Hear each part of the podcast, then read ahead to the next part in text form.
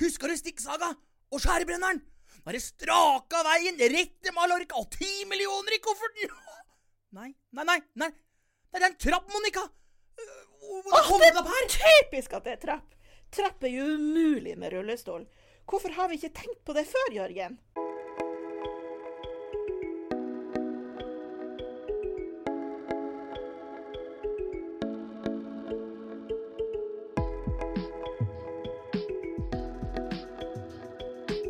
Folk flest, en podkast fra Norges Handikapforbund. Du har kanskje hørt på Røverradioen på NRK P2, hvor innsatte lager radio til folket utafor murene. I denne episoden har vi med oss Mina Hajan, som jobber som sjef i Røverradioen. Og det er ekstra hyggelig for oss, ettersom det, denne podkasten er et samarbeid mellom Røverradioen og oss i Handikapforbundet. Vi ser så mange paralleller i hvordan man blir møtt i samfunnet. Med fordommer og hindringer, og det å bli fratatt muligheten til frihet. Det var derfor helt naturlig å høre om Mina ønsker å gjeste oss i programmet som nettopp handler om det å være utafor. For mange er Mina mest kjent som den rappkjefta radiostemmen som måtte forlate studiopulten sin på Marienlyst etter at kringkastingen hadde fått nok av hennes ord og uttrykk. Vi får iallfall håpe at hun får beholde jobben etter dagens episode. det får vi håpe. Eh, For Romina så har det bare gått oppover, og mange har kanskje sett henne både på Farmen kjendis og 71 grader nord. Men for Mina så startet det hele i 1975, hvor hun ble født i Teheran med norsk mor og persisk far. Men skal vi, før vi kommer dit, skal vi ta og høre litt på rett og slett eh, røvernes røst, og hva de tenker om det å være innesperra. Yes, så da jeg sitter jeg her med kula, og det er Sahbi her. Hei, hei. Så kan du lese opp det første spørsmålet, kula. Hva er det verste med å være innsperret? Sahbi. Nei, Det verste med å være innesperret, at du ikke har friheten. da. Du vet, Det er ikke du som bestemmer når du skal ut. Man mister eller- friheten, Ja, ja. ja, man mister friheten, rett og slett. Så det vil jeg si at Får det er ikke det gjort noen ting. Nei. Man sitter fast. Ja, ja, Tiden stopper. Helt riktig, ass. Mm. Og ja, og andre spørsmål, det er liksom Er det noe bra med å være innesperret? Hva vil du si der da, Kula? Det er ingenting bra. Du går glipp av eh, alt. Har du en familie, du går glipp av det. Hmm. Jeg vil si at det er ikke noe bra å være innesperret. Det er ikke, og det er ikke bra psykisk heller, for er man lenge innesperret, så kan noen Det er ikke alle som tåler det, da. Yeah. Noen liker det så klart, men det Mm. fins folk som ikke yeah. tåler det så bra. Det er bra. noen som uh, ikke har det bra ute. Ja, ja. Som, Som sliter med penger, mat. mm. Så noen har det bra her inne. Ja, det, det er sant. Ja. Mm. Da har vi spørsmål nummer tre. Ser du en likhet mellom å være innsatt og det å være funksjonshemmet? Nei, jeg vil ikke si jeg ser en likhet, men uh, det er jo Vi er jo fratatt å gjøre ting vi ellers gjør. Og med funksjonshemmede så er det kanskje de på rullestol. De kan ikke. De kan ikke spille fotball, de kan ikke, tre- de kan ikke gjøre, det er mye de kan, kan gjøre da. Og så Og så har vi folk som er funksjonshemmet som sitter i fengsel her òg, da. Ja, ja. Mm. Men ja, det Likhet, ja. Det er liksom Ja, det er, vi får ikke gjort ting vi selv vil gjøre, da. Ja. Så det er Mm. den likheten jeg ser, egentlig. da, bare den, altså. Hva med deg, da? Er det noen likheter, andre likheter du vil dra fram? Nei, ikke som jeg kommer på. Ja, men Da drar vi videre til neste spørsmål, vet du. Og det er liksom Hvordan tenker du at det ville vært å være funksjonshemmet i fengsel? Jeg syns det hadde vært dritt.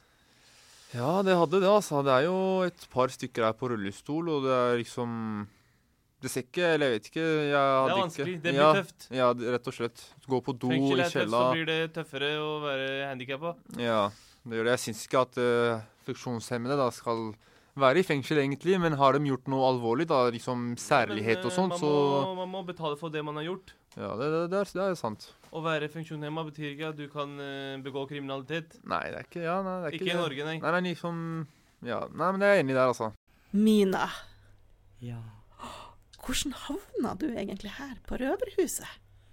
Nei, jeg gjorde et brekk, da. Og så Nei da. Ja, det var det. Det var ble tatt med noe greier. Nei, men eh, Ja, hvor begynte det hen? Det var vel det at jeg fikk en telefon fra Norges mest arresterte mann, eh, Trond Henriksen. Han eh, har vært inn og ut av fengsel siden han var 14. Så hadde han vært litt borti radio mens han var i fengsel. Og det syntes han var veldig gøy og rehabiliterende, og det var ikke måte på. Så da ringer han meg. Jeg bare Hva var det du sa du var, sa du?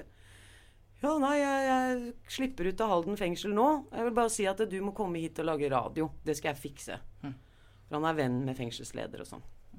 Så jeg gjorde jeg det frivillig i et par år. Dro dit en gang i uka, satt sammen med 15-16 drapsmenn alene i et rom. Det var spesielt. Var du redd noen gang? Nei, jeg var ikke redd, men jeg var litt sånn undrende. Litt, for de så så forbanna sure ut. Det var da jeg lærte fengselstrynegreia. Ja, og hvordan er det?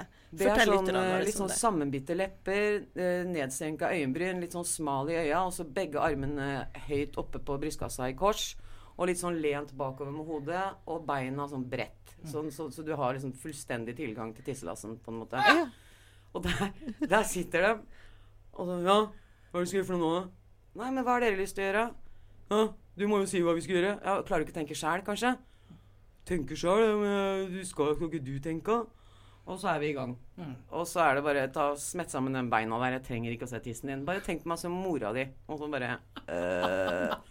Så da skjønte jeg at eh, det jeg syns er gøy, og det syns jeg ennå, det er å bryte dem ned. For å bygge dem opp igjen. Nei, men det der med å bare være ærlig mot en som er to meter høy og to meter bred og tatoveringer i ansiktet, og bare si 'Å, så farlig du kjører i dag', og så knipse den på nesa og si 'gå og sett deg'. Mm. Det føles godt. Det, føles det. godt. det føles veldig godt.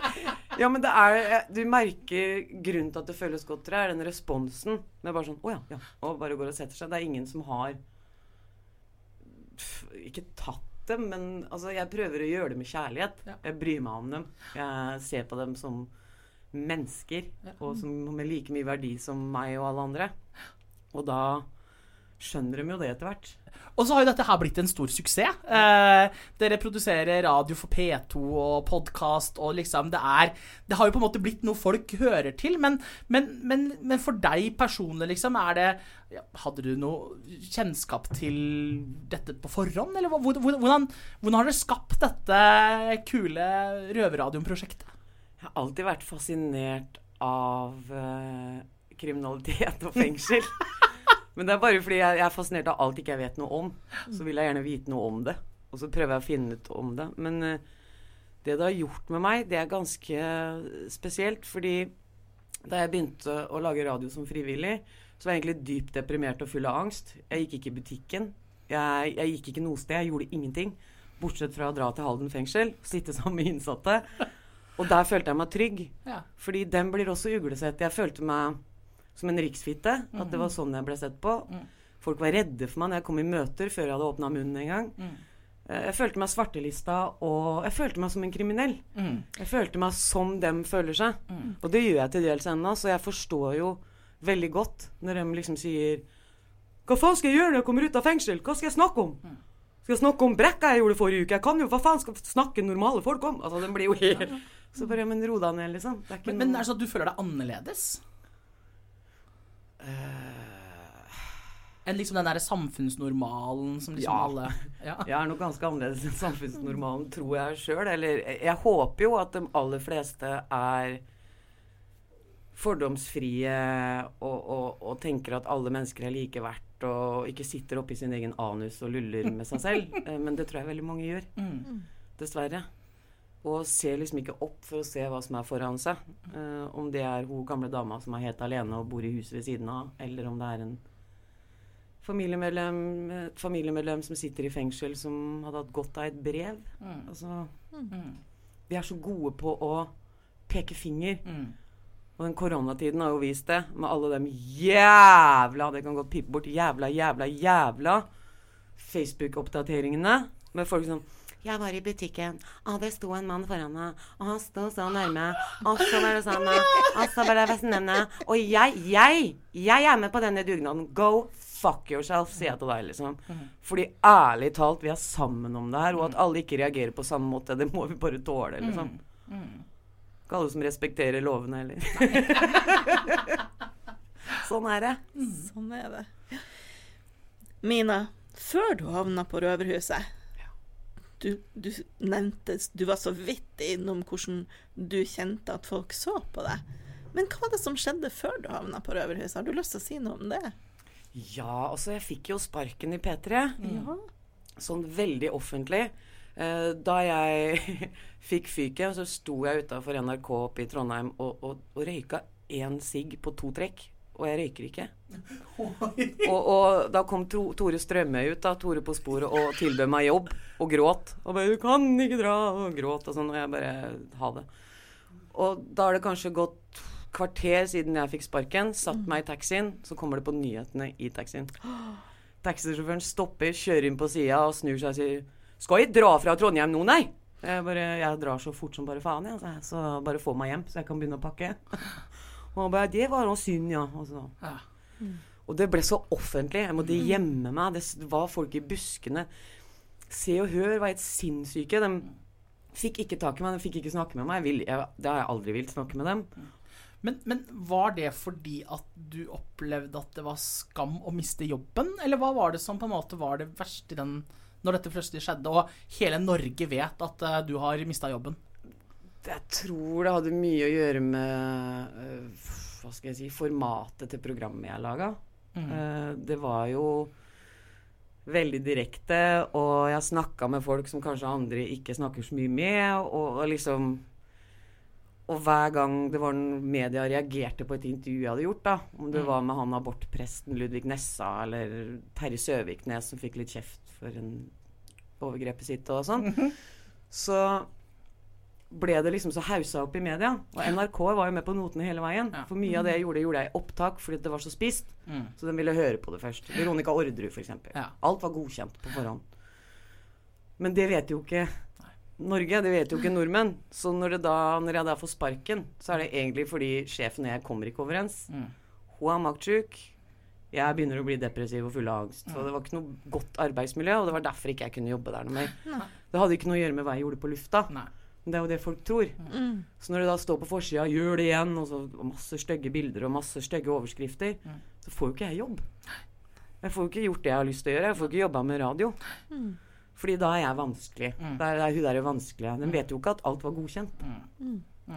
Jeg fikk jo til og med unnskyldning av kringkastingssjefen sånn type annenhver måned. Ja. Som ringte for å be om unnskyldning for at dem hadde bedt om unnskyldning for noe jeg hadde gjort. Men Mina, nå er du på et helt annet sted i livet. Ja. Hvordan klarte du å klatre opp? Klatre Jeg vet ikke. Det er vel kanskje det at jeg ikke føler at jeg har klatra. At jeg bare føler at jeg Nå får jeg være meg sjøl. Ja. Nå kan jeg si det jeg har lyst til å si. Nå hørtes det litt rart ut, kanskje, men sånn Men det er i hvert fall med røverne, så jeg merker hvor viktig det er for dem at jeg er direkte. Mm. Og det gir det en sånn, et sånt uskyldspreg òg. Mm. Fordi i det kriminelle miljøet så er det sånn Hæ, så du det der? Fy faen, skal ikke si det. Altså, jeg vet da faen. Mm. Og det skjønner de. Og jeg vet ikke, så jeg bare sier det jeg har lyst til å si. Men, men du er jo en superdirekte person oppi dette her også, og du sier liksom du skal snakke, snakke direkte, ikke sant? Eh, eh, er det I studio her nå, ikke sant, så, så, så sitter Monica, hun sitter i rullestol. Eh, hvor direkte kunne det ha vært med henne hvis det var du som satt på motsatt side og, og intervjua? Hvor direkte? Ja. Å, herregud. Såpass, ja. Jeg, har jo, jeg er jo nysgjerrig på alt Ja. hele tida. ja. Og jeg har hatt eh, en rullestolbruker i studio en gang, for jeg var så veldig nysgjerrig på det. Og det husker jeg stilte et spørsmål som jeg angra på rett etterpå. Men jeg sa liksom Hva er det verste med å sitte i rullestol? Og så tenkte jeg åh, det var et teit spørsmål. Men svaret var så fantastisk. Ja. Hva var svaret? Han sa rumpelukt. Rumpelukt. Altså, jeg, jeg er alltid i rumpenivå. Og så sier jeg men hva gjør du hvis du står i kø? Og så bare hører du den uh, rullestolen bare Han bare heiser seg opp, liksom. Og jeg, jeg, jeg ble helt sånn Fordi eh, liksom det der med at hvis du sitter i rullestol, så er det det du gjør. Det er det du kan. Det er, det, det er livet ditt. Det er det her, liksom. Så, så hvorfor skulle det vært nei, at jeg ikke kan gå? Hvorfor er det det naturlige spørsmålet? Du har ikke gått. Du vet jo ikke åssen det er å gå. Så hva er Jeg føler at det er en million spørsmål. Men så kult at du tør å være direkte. For ikke sant? Jeg, jeg sitter jo i rullestol, og jeg er kjempevant til at jeg blir møtt med, eh, med forsiktighet og ikke sant, flinke Monica, tenk alt du klarer. Og, ikke sant? Så det er jo så kult at du tør å være direkte. Ja, men du er jo bare dame, liksom. Ikke sant, jeg er bare helt vanlig dame. Du er en helt vanlig dame. Men, men er det noen spørsmål Monica, du- som du ikke hadde Som du liksom tenker at det der er ikke greit? Veldig bra, Jørgen. Å få spurt og få Ja. spørsmål om. Ja. Nei. Ikke puling heller. Det er greit, det òg. Ja, klart det er greit. Ja, ja, ja. Altså, det gjør vi jo alle. I per eller i hvert fall nesten alle. I perioder. I perioder. Ja, da veit du, da vet du i hvert fall det. da det er, det er liksom Men ja. Men er det noen spørsmål du ikke vil ha, da? Ja, Jørgen. Altså, jeg, jeg får jo ofte spørsmål om hvor jeg veier, f.eks. Uh, det er et veldig vanlig spørsmål, også hvis jeg blir intervjua eller et eller annet sånt. ting, Og da er det sånn at de, det, det er ikke jeg så interessert i å dele med resten av verden. Jeg er jævlig svær, og de er liksom Sånn er det bare. Spør om uh, hvor mye du veier. Ja, ja. Og Den streken der ser jo til og med jeg. Ja, men journalister er veldig sånn De er veldig nysgjerrige på hva vekttallet er. Og det, er liksom, det har jeg tenkt at det er det ingen andre enn meg som har noe med. Eh, jeg, Irrelevant òg. det er irrelevant. Altså, alle som ser meg, ser at jeg er mildt sagt oval i kantene. Eh, og det er liksom Det er realiteten. Men mer enn det trenger, ikke, trenger liksom ikke, tenker jeg. Men, men bortsett fra det, så er jeg også veldig opptatt av at folk skal spørre. Altså det er så utrolig Jeg tenker at altså, kunnskap er så viktig, da. Og det tenker jeg er liksom på dette Ja, på temaet liksom annerledeshet, da. At liksom Jeg tenker det er så sunt at vi spør. Det er så sunt at vi er nysgjerrig. Eh, og jeg blir jo bare så superglad når barn eh, spør og graver litt. Fordi det tenker jeg er så viktig at de tør å gjøre i tidlig alder. Ja, og at den blir også eksponert eh, Ja. for det. Fordi Ja. jeg har en kamerat som har cerebral parese, som sitter i rullestol. Mm. Uh, Morten er verdens vakreste. Og, og sønnen min på fire spør jo liksom 'Hvorfor har jeg han sånne hjul, mamma?' Så er ikke dem kule? Jo, kjempekule. Han har også scooter. Oi, oi, oi, det her er kult, liksom. Og så liksom må jeg hjelpe henne opp trappa, og så står Henry og 'Skal jeg hjelpe, mamma?' Og så Morten slenger noe dritt. ikke sant? Han er så stor i kjeften. Og det er helt sinnssykt. Og, og, og der har vi fått en del reaksjoner opp gjennom åra. For han har liksom kalt meg mye stygge Vi kaller hverandre mye stygge ting. Mm. Og så hvis noen overhører det, da så, da har jeg fått meg en på trynet en gang. Liksom. Ikke sant? For det, er jo du, for det er jo du som er den stygge, da. Ikke sant? Ikke sant? Og da hadde han akkurat kalt meg horefitte. Mm. ikke sant? for funkisen kan jo aldri si noe stygt. Ikke sant? Fordi alle funkiser er jo de snilleste. Ja, ja. Tenk Og de sier jo ikke faen engang. Nei, aldri. Nei. Så det er noe med det der å eksponeres for alle typer mennesker. Fordi jeg mener Det er jo som verden er. Og så tenker Vi kommer med litt sånn ulik liksom, bagasje og litt ulike ting. Eh, eh, altså Monica er jo, du er jo ikke født i rullestolen, ikke sant? Altså, Ja, ja. Nei, det Tenk deg å få ut av rullestolen! Stakkars mamma! Røde ut liksom med hjul og det! Å, herregud, det er ikke så lenge siden jeg fødte. Nå føler jeg stinga mi Men det, det typisk, det er sånn typisk spørsmål barn spør. da liksom Ble du født med rullestolen? Ja. De spørsmålene som jeg ofte har fått, Ja. Ja. det er liksom «Å, Monica, hvordan går du på do? «Å, Monica, hvordan, hvordan ligger du og sover egentlig? ja, men det er jo, Sover du i rullestol? det er jo fine spørsmål. Det er jo nydelig. Men åssen sover du? Ja, jeg lukker øynene, og så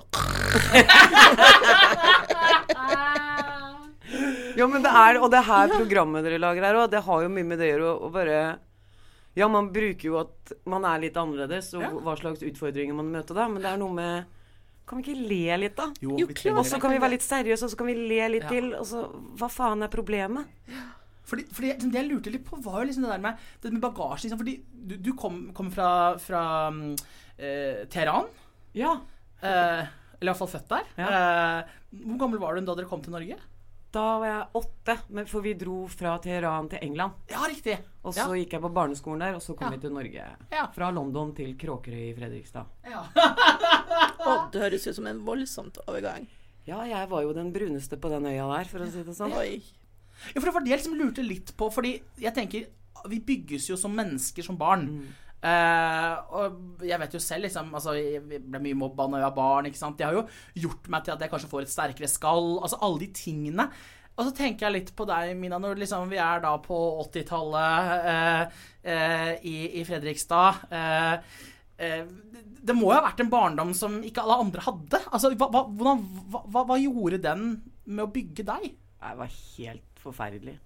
Altså, jeg syns det var traumatisk og grusomt å flytte fra London til Kråkerøy. Fordi i London så hadde jeg vennene mine.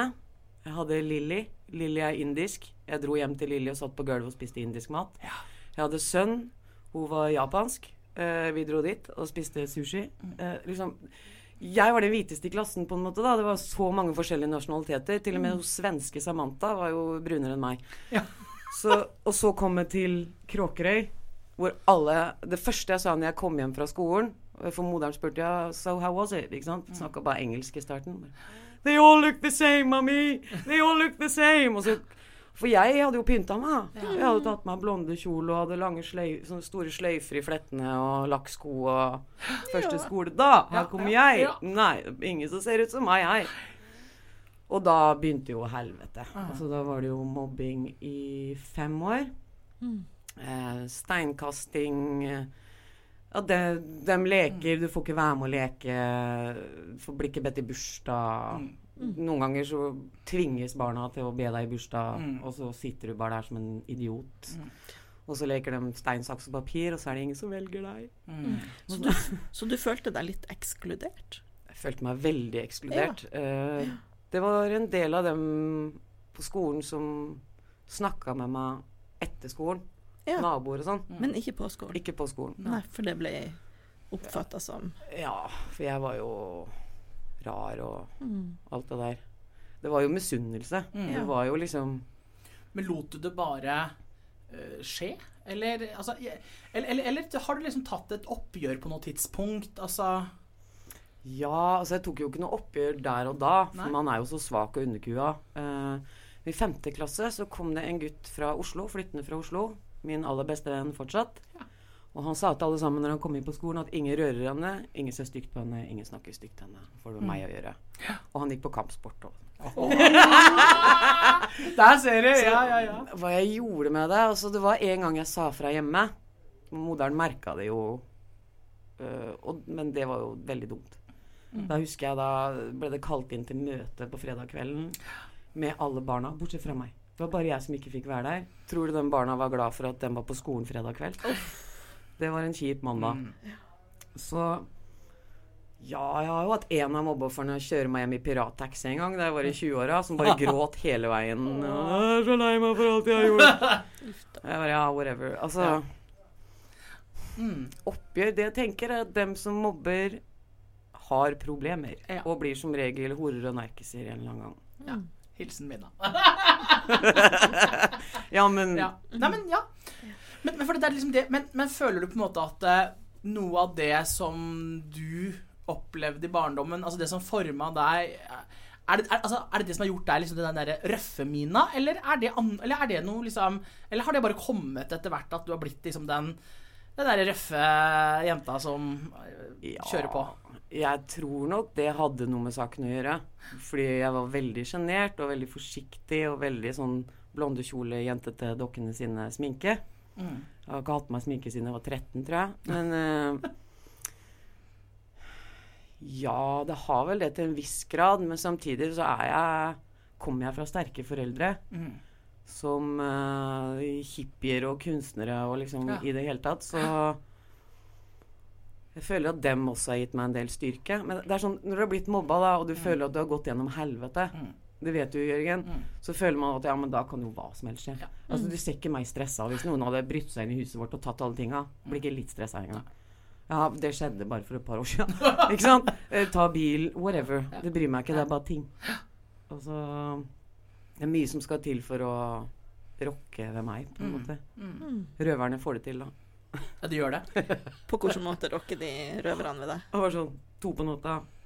Hallo, det er Mina. Ja, hei, du. Um, jeg har rømt, jeg.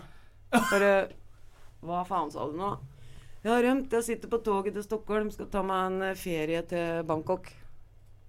Snu og dra tilbake. Ikke sant? Ja. Eller en som ringte og spurte om hva dama til en av røverne het, for han skulle selge dama fordi han skyldte den 500 kroner. Jeg bare, det, var det er heldigvis mye mindre av det nå. Ja. Har sagt fra ganske greit. Ah, Men, eh, fantastisk. Men jeg elsker jo Jeg skulle si jeg elsker kriser, det gjør jeg ikke, men jeg vet ikke, jeg elsker å fikse ting. Du kjenner liksom at du lever når det Ja. skjer ting. Ja. Ja. Nå liksom Jeg kjenner at jeg kan kjenne meg litt igjen i det. Det er kult. Ja, det er kult. Kjeder meg ganske fort. Mm. Mm. Men vi skal liksom tenke litt inn på dette liksom med selve røverne, eh, og ditt kjennskap til røverne. Og det her er jo Røverradioen, og vi er jo på et hus her nå fullt av røvere, er vi ikke det, Mina? Jo, det er mye røvere her. Ja. Nettverket etter soning har en del røvere. I kafeen jobber det noen røvere. Her på huset så har de kanskje allerede sona en god stund. Og så er de her på slutten kanskje av, uh, av, av tiden. Men, Ja. men eh, jeg tenker litt sånn det og Du har jo møtt sikkert mange her. Og eh, Monica, du opplever jo eh, at eh, din frihet er begrensa fordi du sitter i rullestol. Og her er det folk som opplever at de er blitt fratatt, fratatt sin frihet. Altså, her er det jo noen paralleller.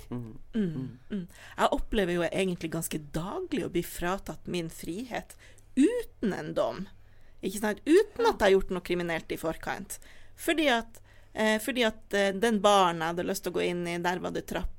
Eller fordi at eh, bydelen min som jeg bor i, sier at jeg får ikke nok assistanse til å bevege meg så mye som jeg vil. Ikke sant? Eller gjøre, gjøre så, mye, så mye som jeg ønsker på fritida. Eller, ikke sant? Det, det er liksom barrierer uansett hvor man snur seg ikke sant, som gjør at jeg også opplever, og som andre som bruker rullestol, eller som er funksjonshemma, opplever barrierer og opplever å bli frihetsinnskrenking, ja, da. Ja, oppleve opplever det å bli det er. innesperra. Er og og Ja. det som er litt fint nå, syns jeg, med koronatiden eh, Det er ikke noe fint med at folk blir syke, la oss nå bare få sagt det med en gang. Men i tilfelle noen har lyst til å spise ansiktet mitt nå. Men eh, nå føler jeg folk har fått en bitte, bitte, bitte, bitte liten smakebit. I hvert fall i starten på koronakrisen, hvor du måtte være hjemme, og du leste i avisene om folk som hadde, var isolasjonsskada. Så, ja, hva tror du da? Hvis du hadde sittet i rullestol og ikke kan komme deg inn der du vil, på sånn vanlige frihet 'Å, jeg vil på den kafeen.' Nei, jeg kommer ikke inn der. Og da har du mista friheten din. Eller hvis du sitter inne på ti kvadrat inne på et rom med en svær jerndør 23 timer i døgnet. Ikke sant? Dette, det, det er ikke bra for hjernen. Altså, det å straffe folk med frihetsberøvelse er ikke Det er jo Det har motsatt effekt, da. Ikke sant? Hvordan- så så er det jo ikke bare den ene baren. Men vi, vi fant ut på Grünerløkka her, ikke sant? på hele Grünerløkka, det er liksom party district, ikke sant? Så var det tre steder du kunne komme inn på. Av Av, av hele Grüner... Altså, vi, vi, det var en saumfaring av hele Grünerløkka. Var det tre steder som var mulig å komme inn på? Det er jo helt sånn Det, det, det, er, så, det er så ekstremt, da. Det er veldig ekstremt. Mm. Men Mina, vi snakker om innesperra. Mm. Eh, og så snakker vi om, om, om soningsskade. Kan vi kalle det for en soningsskade når man, ikke, når man mister friheten og blir tvungen til å være innelåst et eller annet sted? Enten det er ditt eget hjem. Jeg kjenner f.eks. En, helt vanlig- en helt vanlig mann. Eh, bruker rullestol. Eh, og han har ikke vært ute av leiligheta si på fire år. Og han har ingen dom. Ikke sant? Han har ikke gjort noe Han har ikke engang, gjort liksom. noe galt. Men det er jo helt Ja, det er helt galskap. Ja, det er helt vilt. Ja, Men soningsskader får du av å være for mye i fengsel, ikke sant? ja eller En for å være for mye innesperra et sted. Ja, eller innesperra et sted. Ja. Hva er det for noe? Hva er soningsskade for noe? Altså Det jeg ofte ser, eksempel, eller hører om, det er noen slipper ut, og så drar de hjem, eller sover et eller annet sted, da, og så skal de våkne på natta og gå på do, og så bare reiser de seg opp og står i rommet. Ja. Og bare står i rommet. For det er det du er vant til, å stå i rommet til noen kommer og lukker opp den døra, så du kan gå og tisse hvis du ikke har do på. Og det er det så mange som gjør. Og som en kone fortalte meg herregud, jeg sto opp, og da sto den der. Sto midt i rommet. Jeg måtte gå og lukke opp døra for den, liksom. Mm. Og det er én ting. Eh, Andre ting Det at du ikke har hatt bestemmelsesrett over livet ditt, det gjør deg litt sånn handlingslamma, da. Så det mange gjør, er å skrive en sånn 0700, stå opp. 0705, pusse tenna. Ikke sant? Skrive det nedover sånn. Det er jo en soningsskade. Men hva er det viktigste man kan gjøre for eh, Altså, du, du, Hvis du er en røver, da, så har du, du har blitt dømt for noe. Ikke sant? Du har gjort en, en ulovlig ting i henhold til norsk lov. Eh, og så er jo hele systemet lagt opp til at du skal sone en straff, men som skal være for at du skal komme tilbake i samfunnet. ikke sant? Altså, I hvert fall så er det det man sier, da. Det er det som er meninga. Det er det som er meningen. Men hva tenker du er det viktigste man kan gjøre for røvere, for at de skal faktisk få et godt liv etter soninga? Det jeg tenker da, at det må være på plass et ettervern. Ja. Uh, og det er mange som snakker om ettervern, og det er kjempefint at det blir tatt opp. uh, men uh, vi må liksom få det ned til basisnivå her. Hvor folk sier ja, men de trenger jo bare en jobb, og de trenger bare et sted å bo. Ja, trenger en jobb og et sted å bo. Men når du ikke klarer å fungere i det vanlige samfunnet, fordi du har vært i et helt annet samfunn, så er det der du må begynne. Så det der med å bare snakke om vanlige ting altså, Jeg hadde en røver som kom ut, og så gikk jeg på kafé. Altså, vi går inn her og kjøper en kaffe. Han ble helt hvit i trynet. Jeg bare Vi skal bare kjøpe kaffe. Jeg har aldri vært inne på et sånt sted før. Nei, ikke sant. Og vi er på sånn vanlig kaffesjappe. Og går inn og sier jeg kan få en uh, dobbel cappuccino. Hva skal du ha for noe? Han bare ser på den der tavla. Bare, «Øh, hva, ma maki, hva er det, hva er det maki-greiene? Er det? «Men Mina, jeg vil bare ha kaffe. Kan jeg bare få kaffe? Mina, kan jeg få kaffe? Jeg begynte å bli mer og mer stressa. Så jeg slapp av. Hvor mange dagens kaffe har du? To. Jeg tar den. Og han bare Er det bare det jeg skal si? Du sier bare dagens kaffe, så ordner det seg. OK. ok. Og gå gjennom byen hvor de skjelver inni kroppen fordi du har vært helt borte fra mennesker. Plutselig så går folk forbi deg og over veien rett foran deg, og det kommer biler. Og det derre blikket du ser da, den er helt vill. Og da er det ikke så langt til plata. Nei. Ikke sant? Det har mye med det å gjøre. Eh, en normalisering. En eh, Se her. Det jeg vil, da, som vi driver og jobber med nå, er at jeg vil starte noe som heter Anonyme kriminelle. OK. Så røverne kan samle seg, for de gjør det nå, men det er Ja. uorganisert. Men at Ja. de kan samle seg med en psykiater eller noen som har peiling, Ja. og bare blæse løs. Ja. Bare 'Jeg er blakk, jeg får 20 000 i måneden, jeg har tre barn'. Det er folk som skylder meg fire millioner. Ja. Ikke sant? Sitt og For, For det er jeg som får det nå. Ja. Jo, men ikke sant? Katalysator. Ja. For du er jo psykolog, du, Monica. Ja, det er jeg faktisk. Ja. Ja, Det måtte jo vært noe for deg, dette her.